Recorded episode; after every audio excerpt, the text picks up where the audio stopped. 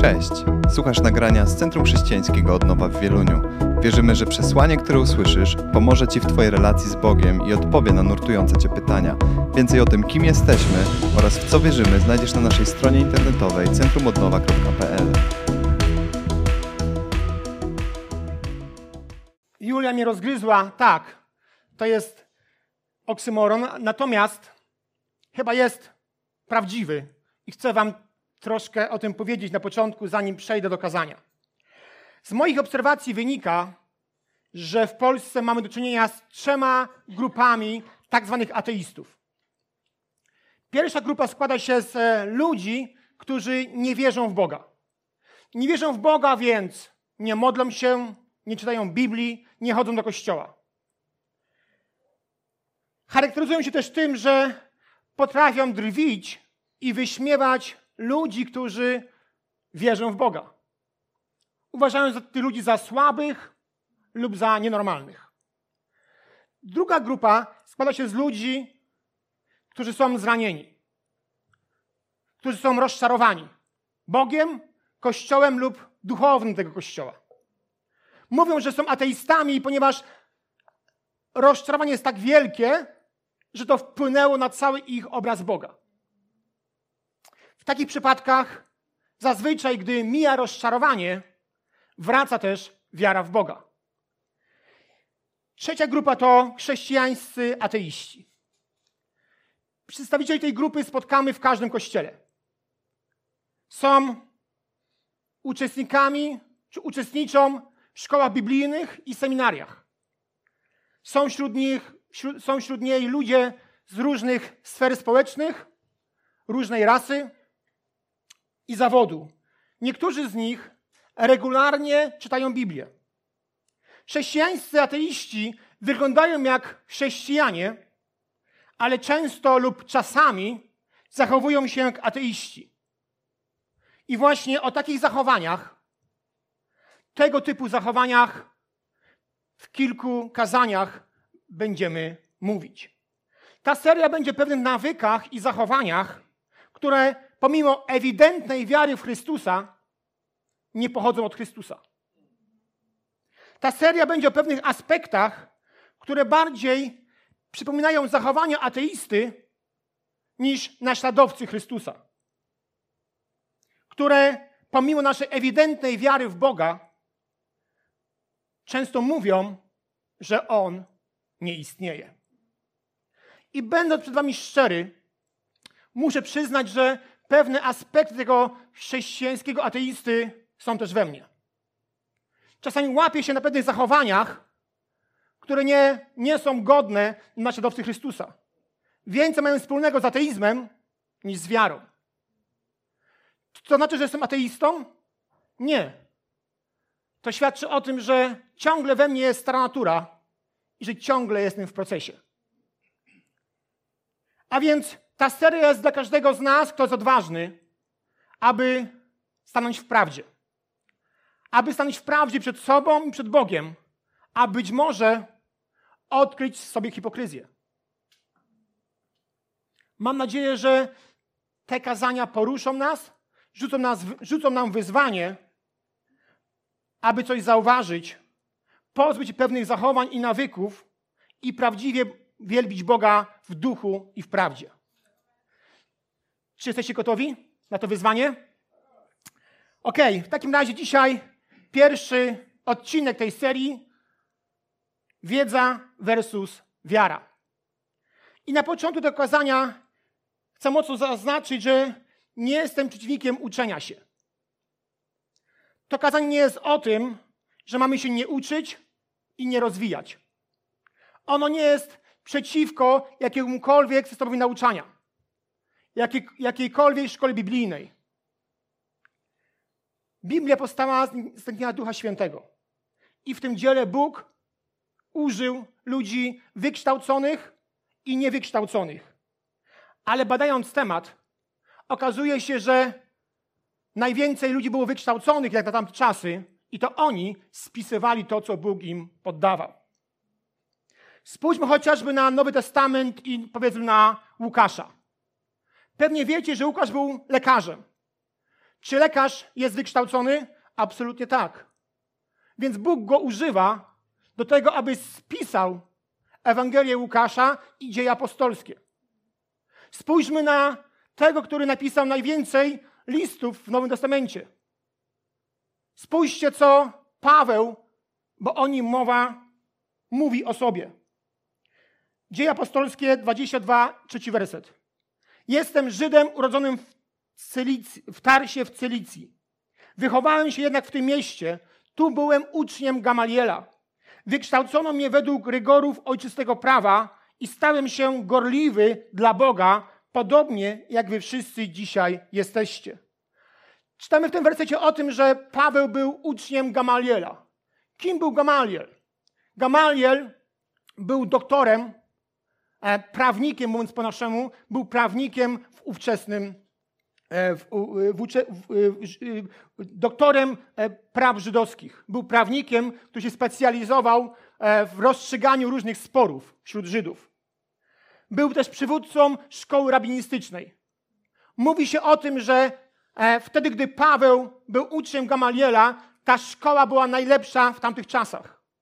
Być może taki współczesny Oxford, czy Harvard, czy coś jeszcze innego. A więc Gamaliel stał na czele tej szkoły. Był prawnikiem, był bardzo dobrym, e, dobrze obeznanym w prawach żydowskich. I Paweł, Welszaweł, u niego pobiera nauki. Nauka trwała zazwyczaj kilka lat, więc przez kilka lat, myślę pod okiem Gamaliela, Paweł uczył się różnych zawiłości prawa cywilnego, żydowskiego i tego, które było spisane w księgach Starego Testamentu. Gamaliel też bardzo mocno cisnął swych uczniów do tego, aby czytali e, czy umieli różne języki. Zachęcał do tego, aby poznawali dzieła greckie, aby poznawali różne dzieła w innych językach, po to, aby mogli mieć szeroki obraz tego świata. A więc zobaczcie, jakże bardzo mocno Paweł był uczony. Jakże mocno był wykształcony. I myślę sobie, że nie bez kozery to właśnie apostoł Paweł napisał tyle listów do tak różnych kulturowo i duchowo ludzi. Począwszy od Rzymian, aż do Żydów. Bóg użył jego wykształcenia do tego, aby mógł w szerokim, kontek w szerokim kontekście pisać do różnych społeczności. Myślę, że znajomość prawa, znajomość zachowań, znajomość tej kultury, która drzemała w tych narodach, bardzo mocno pomagała w takim dotarciu do tych narodów. Zauważcie proszę też, że e, wykształcenie nie przeszkadza, nie przeszkadza w gorliwości. O tym ten werset mówi. Czasami są głosy mówiące o tym, że o, wykształcenie przeszkadza w pewnym e, prowadzeniu życia duchowego. Nieprawda. To od nas zależy. Czy ono ci pomoże, czy zaszkodzi. Tak samo jak to, że jesteśmy nieuczeni. A więc Paweł, mimo tego, że był bardzo wykształcony, jest gorliwym naśladowcą Pana Boga, oczywiście w zakresie takim, jak wtedy to rozumiał. A więc to kazanie nie jest przeciwko uczeniu się i nie uderza ludzi wykształconych, gdyż potrzebujemy takich ludzi i sami takimi powinniśmy być. To kazanie jest przeciwko innemu rodzajowi wiedzy.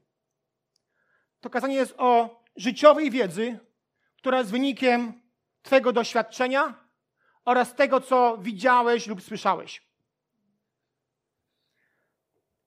Tego rodzaju życiową wiedzę zauważamy w wielu fragmentach Biblii.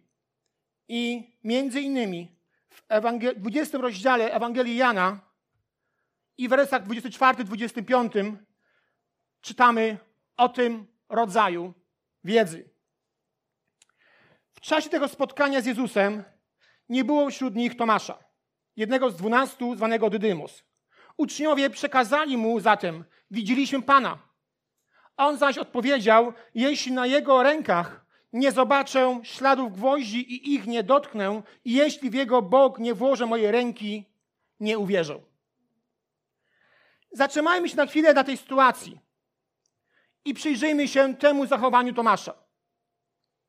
Myślę, że to zachowanie odzwierciedla ludzi współcześnie żyjących i dużo mówi o naszych współczesnych zachowaniach. Czytając ten fragment, możemy zadać sobie pytanie, dlaczego Tomasz nie uwierzył uczniom? Czyżby on stracił do nich zaufanie? Jakiś czas spędzali już razem. Widział sw swoich kumpli, widział uczniów w różnych sytuacjach. Więc dlaczego im nie ufał? Dlaczego stracił do nich zaufanie? Dlaczego po prostu im nie uwierzył? Czyżby nie widział pewnych rzeczy, których Jezus zrobił na jego oczach? Czyżby już o tym zapomniał? To właśnie z tego powodu fragmentu, z tego fragmentu, z tego powodu, e, że on istnieje, ten fragment, ludzie przypieli łatkę do, do Tomasza. Mówi się niewierny Tomasz. Ciekawe jest to, że nie wiem czy we wszystkich, ale w niektórych, na przykład w Stanach, e, nie mówi się niewierny Tomasz. Mówi się wątpiący Tomasz. I myślę, że to zupełnie zmienia obraz tego człowieka.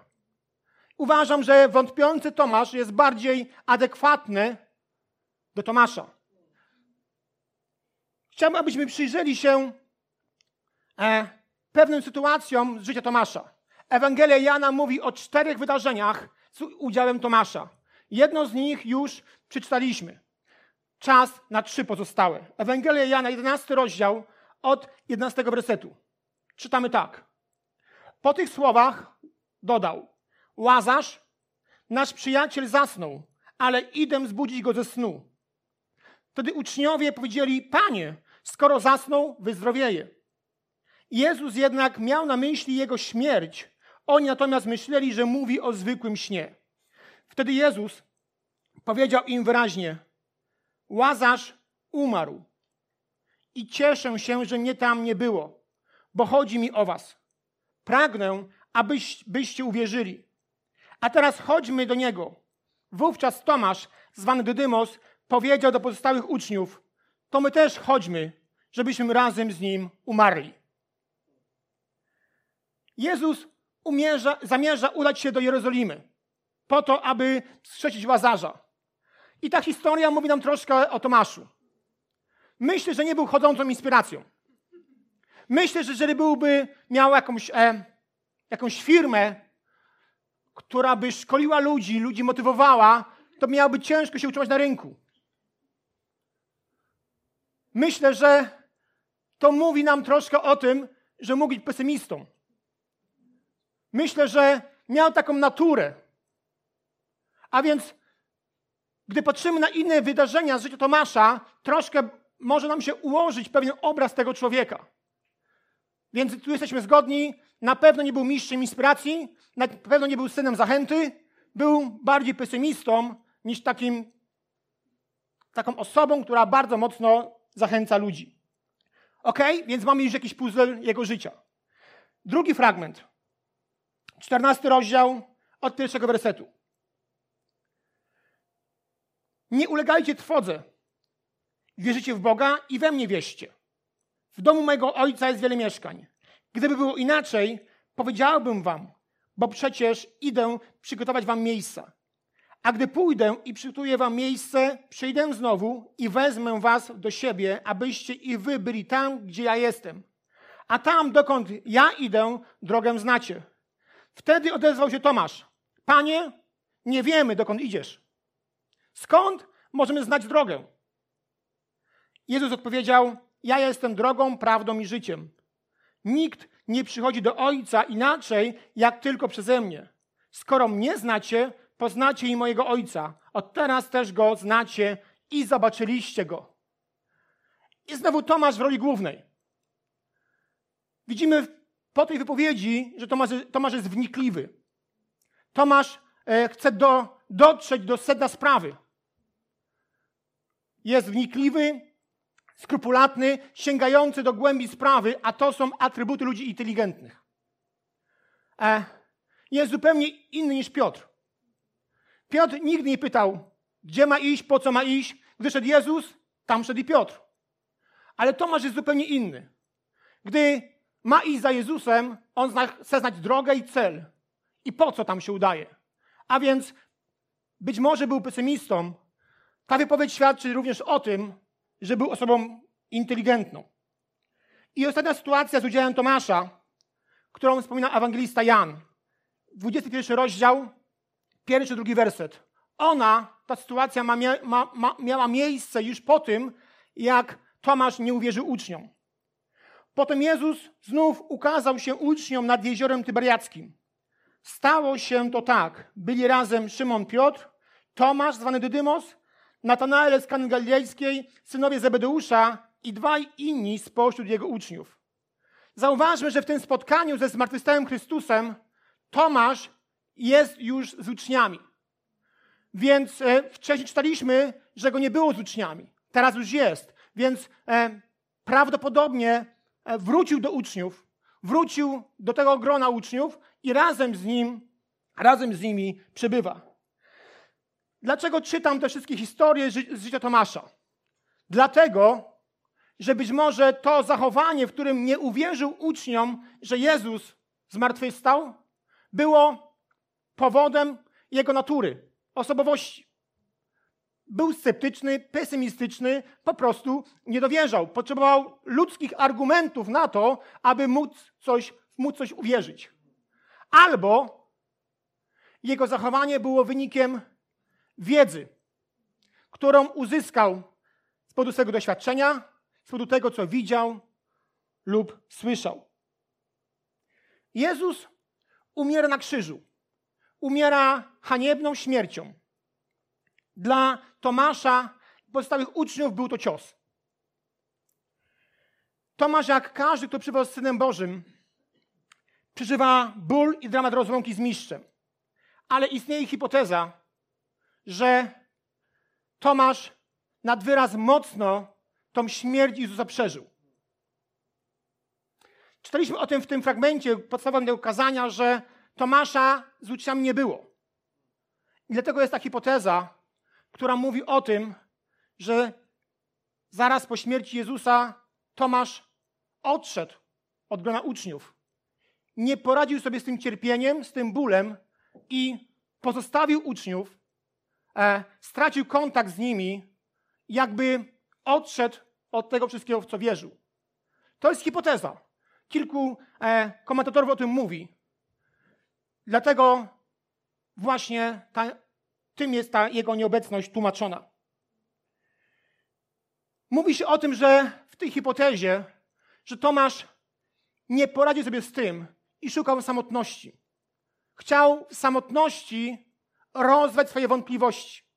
Chciał w samotności poradzić sobie ze swoim bólem i cierpieniem. A chyba nie bardzo mu to wychodziło. I myślę sobie, że ta sytuacja też o czymś nam mówi. Musimy uważać na to, aby nie popełniać tego błędu, jaki popełnił Tomasz. Bardzo dużo tracimy, gdy oddzielamy się od społeczności. Kiedy próbujemy w samotności rozwiązywać swoje problemy kiedy próbujemy w samotności pokonywać swój, swoje rozczarowanie, swój ból i cierpienie. Odosobnienie od ludzi wierzących nigdy nie było Bożym planem dla człowieka. Bóg, stwarzając Kościół, chciał, aby ludzie byli razem, aby razem budowali swoje życie, aby razem uczestniczyli w swoich wątpliwościach, aby razem pokonywali swoje rozczarowania, aby razem byli sobą po to, aby było im łatwiej. Czasami tak reagujemy, że nie chcemy przejść do kościoła, czy nie chcemy mówić o czymś, pewnych, pewnych rzeczach ludziom wierzącym, bo myślimy sobie, sami sobie poradzimy. To nie jest dobra droga. Izolacja nigdy nie, było, nie była Bożym planem dla człowieka. Gdy ogarnie nas przygnębienie, gdy łapią nas wątpliwości, gdy jesteśmy kimś lub czymś rozczarowani, gdy słabniemy w wierze, to właśnie od tego są ludzie wierzący, abyśmy razem mogli znaleźć pocieszenie.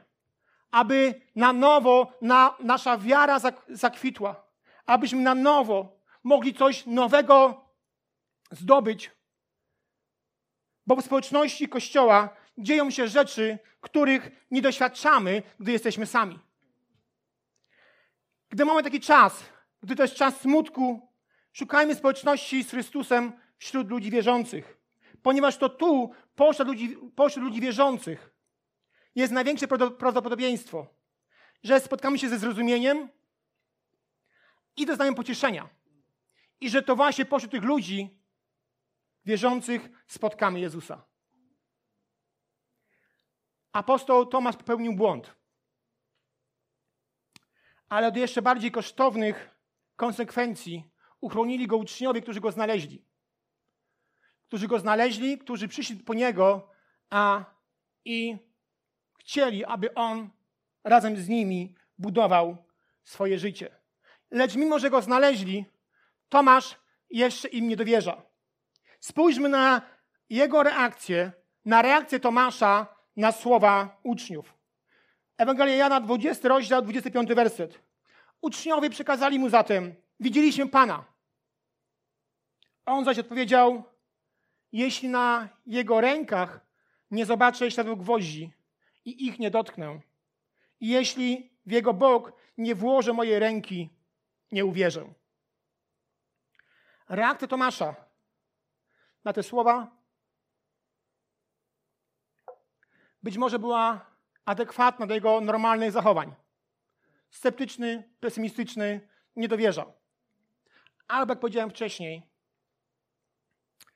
mogę to być pochodną tego, że jego wiedza wywodząca się z tego, co wiedział, widział i słyszał, przejęła rolę nad wiarą w jego życiu.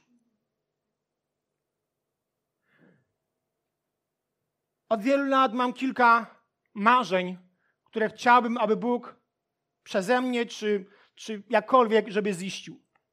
Jednym z marzeń jest to, że chcę, aby chcę w tym uczestniczyć, aby ludzie byli wskrzeszani. Wiem, że dla wielu, być może słuchających też przez, przez internet, to jest jakiś już odpał. Ale ja wierzę temu, co mówi Pismo Święte, a nie to, co mówi moją, moje emocje. Jezus mówi, że, że ludzie wierzący w Niego będą robić takie rzeczy jak On, albo jeszcze i więcej. Czy Jezus skrzeszał? Absolutnie tak. Więc to jest moje marzenie i ja wiem, co mówi moja wiedza. Ja wiem, co słyszałem, wiem, co widziałem. Słyszałem i widziałem, że to jest niemożliwe. Nie widziałem, aby ktoś wskrzesił osoby na moich oczach. To mówi moja wiedza. Więc wiedza krzyczy, to jest niemożliwe. Stary, odpuść sobie, to jest bez sensu. Ale jest też wiara, która mówi, mówi zupełnie innym językiem niż wiedza. Wiedza zawsze mówi jeśli. Wiara mówi zawsze kiedy. I gdy nauczymy się słuchać wiary, będziemy sięgać po rzeczy wiary. A gdy będziemy mówić językiem wiedzy, będziemy kosztować tego, co przynosi z sobą wiedza. Widzieliście Pana? Ta i co jeszcze? Co wy mówicie? Czy wy się słyszycie? Przecież to niemożliwe. Jezus umarł. Ja to widziałem z oddali, wy to widzieliście z bliska. Jaki Jezus? Słuchajcie, to było, minęło, to się skończyło. Był Jezus na ziemi, był z nami, ale odszedł. Pogódźcie się z tym. Być może taka była retoryka Tomasza. Uczniowie, Tomaszu, ale my naprawdę widzieliśmy Pana. A Tomasz być może powiedział w ten sposób. Drodzy, nie jestem w stanie wam uwierzyć. Nie jestem w stanie wam uwierzyć. Moja wiedza, całe miasto o tym mówi. Widziałem to z oddali. Jezus umarł na krzyżu. Nie słyszałem o tym, żeby ktokolwiek zmartwychwstał z krzyża. Wiem, macie inne zdanie, ale naprawdę nie jestem w stanie wam uwierzyć. Chyba, że On się objawi jeszcze raz i że zobaczę na rękach ślady po gwoździach. Gdy włożę rękę do Jego boku po włóczni, chcę dotknąć Go i wtedy być może uwierzę. Tak właśnie brzmi język wiedzy, który mówi: jeśli, jeśli objawi mi się, jeśli dotknę, jeśli zobaczę, to jest język wiedzy. Wiara zupełnie inaczej mówi. W dalszym ciągu tej historii widzimy Bożą miłość do wątpiących i zagubionych. Ponieważ, choć to nie była modlitwa Tomasza, to Bóg tej modlitwy wysłuchuje. Jezus po raz drugi, być może z powodu Tomasza, przychodzi, objawia się. Czytamy to e, w tym samym rozdziale od 26 wersetu. Po ośmiu dniach uczniowie znów byli razem i Tomasz wśród nich. Wtem mimo zamkniętych drzwi zjawił się Jezus. Stanął po środku i powiedział: Pokój wam. Potem zwrócił się do Tomasza: Zbliż tu swój palec i obejrzyj moje ręce. Zbliż swoją rękę i włóż w mój bok. I nie bądź bez wiary, ale wiesz. Tomasz wyznał: Mój Pan i mój Bóg. Wtedy Jezus odpowiedział: Uwierzyłeś, dlatego że mnie zobaczyłeś? Szczęśliwi którzy nie zobaczyli, a jednak uwierzyli. Kochani, chciałbym, abyśmy dzisiaj w Tomaszu zobaczyli wszystkich ludzi, którzy nie umieją, nie potrafią poradzić sobie z wątpliwościami, strachem, utratą nadziei i pewnego rodzaju rozczarowaniem. Chciałbym, abyśmy zobaczyli w tym kontekście ludzi, którzy nie, nie czerpią siły z wiary, ale z wiedzy, z tego, co wiedzą, czego doświadczyli, co usłyszeli i co zobaczyli. Spójrzmy na Tomasza jako na przedstawiciela współczesnego społeczeństwa. A ludzie tacy potrzebują namacalnych dowodów, aby uwierzyć w Jezusa. Oni potrzebują dowodów dla swojego serca i umysłu. W Tomaszu jest coś z chrześcijańskiego ateisty. Coś, co być może utożsamia nas z nim. Tak jak część Polaków jest pesymistyczny i sceptyczny. Kochał Jezusa, wierzył w Niego, ale zdarzały się momenty, w których wiara nie była rzeczą łatwą. Może właśnie jesteś takim człowiekiem jak Tomasz, a może dzisiaj taki czujesz jak Tomasz. I potrzebujesz namacalnych dowodów, aby uwierzyć. Kochasz Boga, ale jeśli trudno uwierzyć, że On jest dobry. Swoje duchowe życie karmisz tym, co widzisz, co słyszysz. Bo nie jest ci łatwo uwierzyć w to, czego nie widzisz i nie słyszysz. Chciałbym, abyśmy się spojrzeli w głąb siebie. I zastanowili się nad tym, czy to, co przeżyłeś i czego doświadczyłeś, co widziałeś i co słyszałeś, nie ograbiło cię z wiary. Jeśli chcemy wzrastać w wierze, musimy wyjść poza obszar, w którym mówią nasze naturalne zmysły. Musisz wyjść z pudełka z nazwą wiem, widziałem, słyszałem. Jeśli chcesz wzrastać w wierze, to pudełko musi być dla ciebie zamknięte. Ty musi być poza tym pudełkiem. Bo Bóg częstokroć używa tego, czego nie widziałeś, nie słyszałeś i nie wiesz. Bóg często wykracza poza nas, nasze naturalne zmysły. Bóg wykracza poza nasze naturalne doświadczenia. Bóg wykracza poza to wszystko, bo On jest Bogiem, a nie my. A my często chcemy Go sklasyfikować.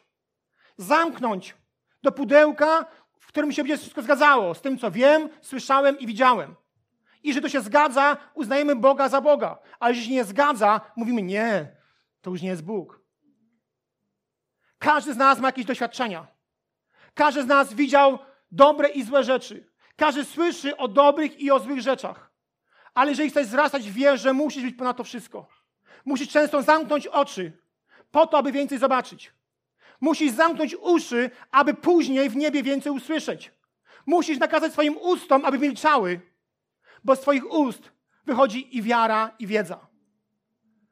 To Ty jesteś strażnikiem tego wszystkiego. I jeżeli chcesz wracać w wierze, musi być ponad to wszystko.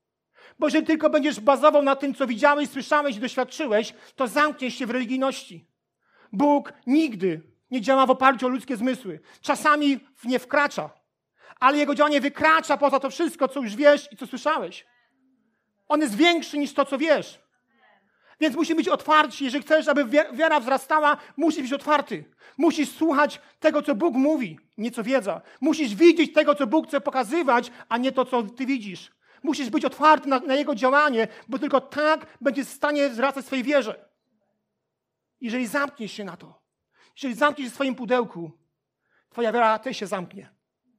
I będziesz ograniczał Boga do pewnych schematów. A to nam nie pomaga. Nie kierujmy się w tym życiu duchowym tym, co widzisz, słyszysz, co czujesz. Bo Boże działanie może być zupełnie inne od tego, które już znasz. Zaufaj Bogu, uwierz w Boga i uwierz Bogu. Od wielu lat krąży po internecie historia o takim znanym akrobacie. Charles Blondin się nazywał. W XIX wieku, 13 czerwca 1859 roku, na oczach 100 tysięcy zdumnych ludzi rozciąga 8,5 cm linię nad wodospadem Niagara i po nim przechodzi. Ta lina miała 330 metrów. A więc 80 metrów nad, nad poziomem przechodzi po linie 8,5 centimetrowej bez żadnych pomocy.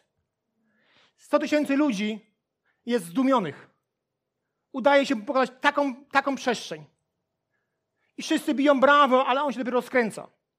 Kolejnym razem nad tym wodospadem przechodzi o szczudłach. O szczudłach. Po linie. Kolejnym razem przechodzi w worku. I jeszcze kolejnym razem postanawia, że przejdzie staczką po tej linie. A więc przechodzi z jednego brzegu do drugiego i z powrotem, pchając przed sobą taczkę. Ludzie biją brawa, a jeden z, ze zdumionych widzów mówi, wow, super, a może weź kogoś do tej taczki, przejedź z tym kimś po tej taczce. A Charles mówi, dobra, to chodź. Mówi, nie, ja dziękuję.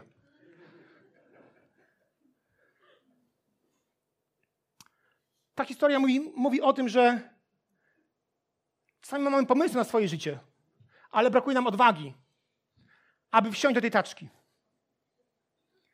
Aby powierzyć komuś Bogu swoje życie. Aby wsiąść do tej taczki powiedzieć, Boże, daj Ci wszystko. Chrześcijański ateista to osoba, która wie, że Bóg istnieje, ale nie ma odwagi oddać Mu swoje życie całkowicie. Każdy z nas ma pomysły, jak ma wyglądać nasze życie duchowe. A może nawet mamy pomysły, jak ma wyglądać czyjeś życie duchowe. Ale czy, jeżeli Bóg cię zaprosi, wsiądź do taczki, oddaj mi swoje życie, to będziesz miał odwagę do niej siąść?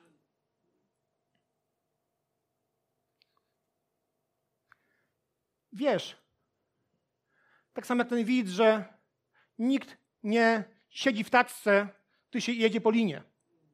Więc myślę sobie, że ten pomysłodawca tak pomyślał.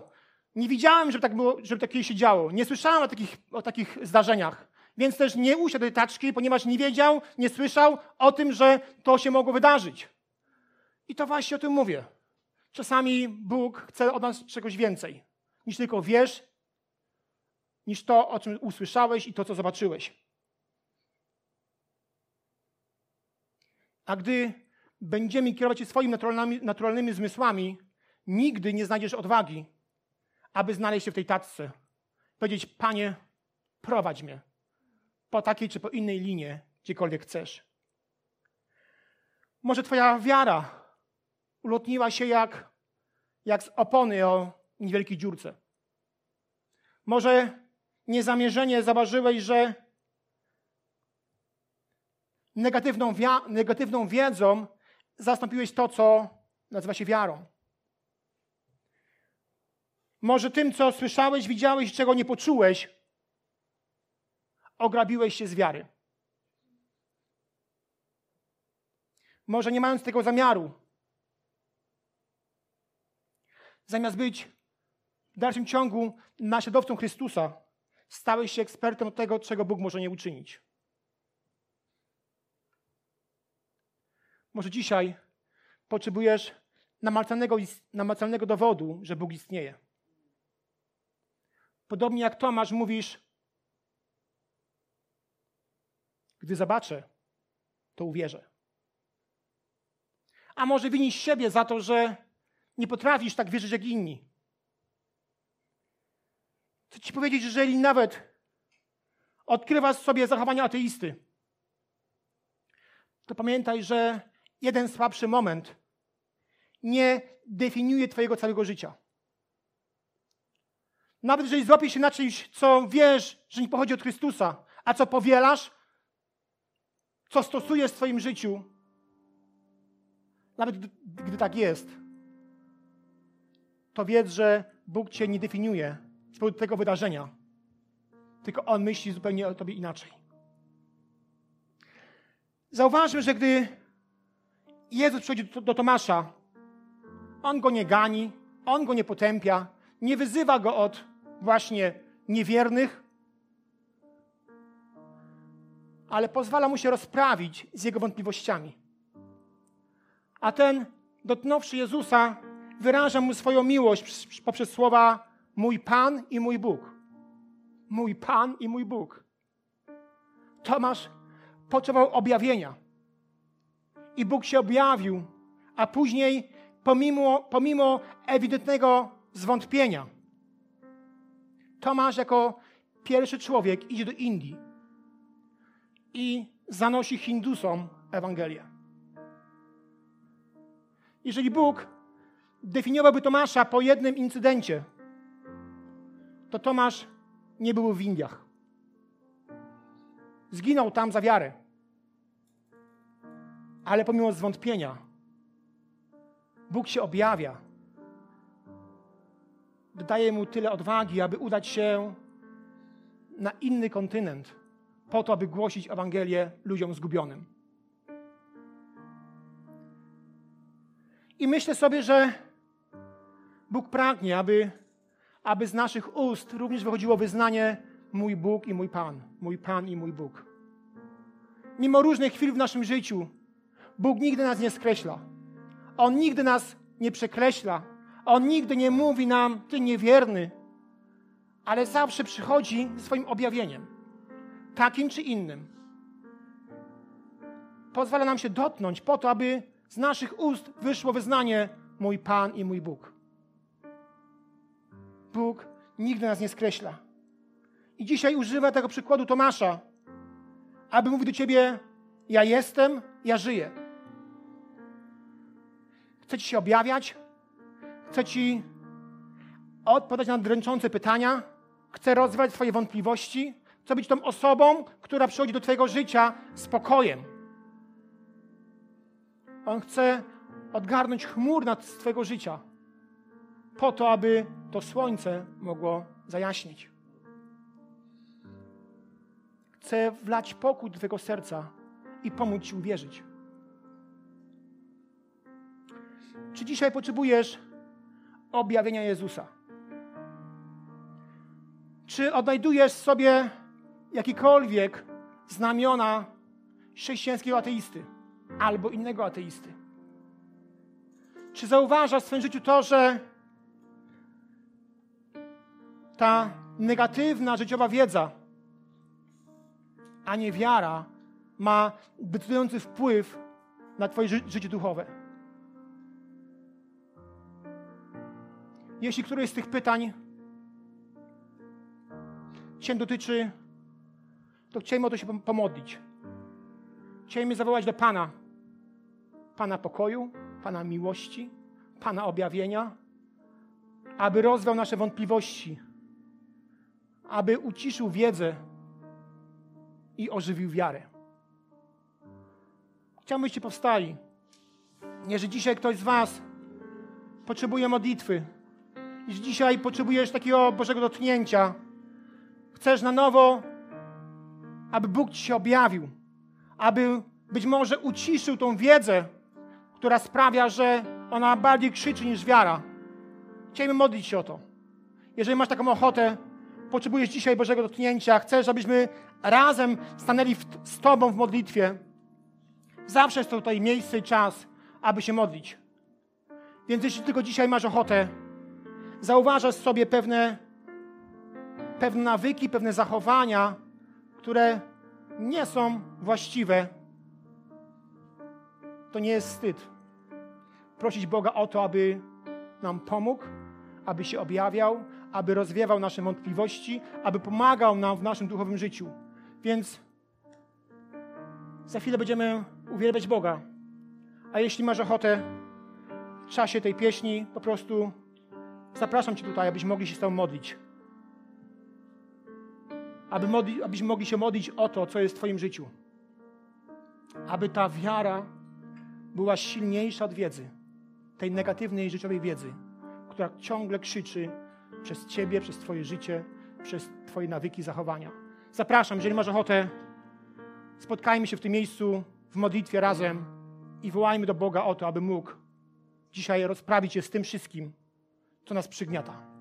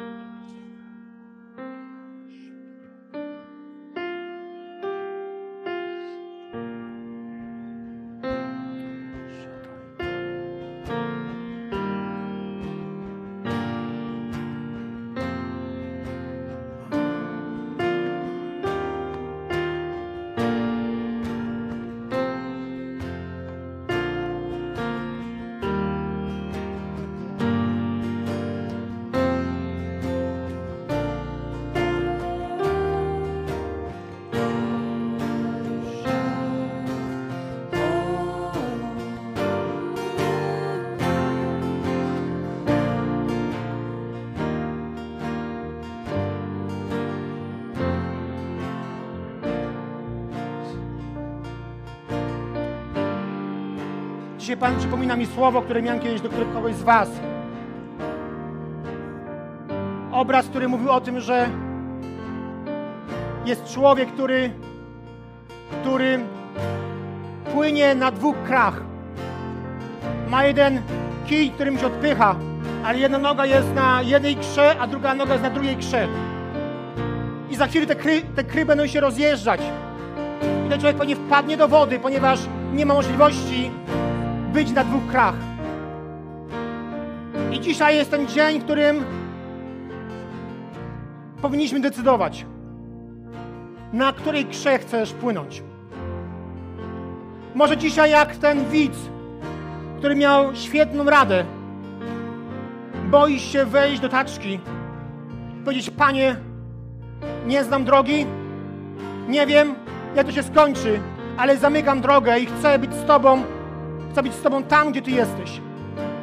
Być może dzisiaj jest ten dzień, w którym pomimo doświadczeń, pomimo złych doświadczeń, pomimo zły, mnóstwo cierpienia, mnóstwo bólu, pomimo tego wszystkiego, co jest smutek, chcesz powiedzieć, Panie, zamykam oczy, nie rozumiem, ale zamykam oczy i przesiadam się na jedną krę, bo chcę płynąć tam, gdzie Ty jesteś. Być może dzisiaj jest ten moment, którym trzeba powiedzieć Pan, Panu Bogu, Boże, tyle nie wiem. Albo pomimo swojej wiedzy już tyle wiem. Ale pragnę Cię dzisiaj spotkać osobiście. Pragnę powierzyć Tobie swoje życie. Wsiąść do tej taczki i płynąć tam, czy iść tam, czy jechać tam, gdzie Ty chcesz. Czy jest dzisiaj jakaś osoba, która chce powiedzieć, Panie, chcę oddać Tobie swoje życie. Chcę oddać twoje, Tobie swoje życie.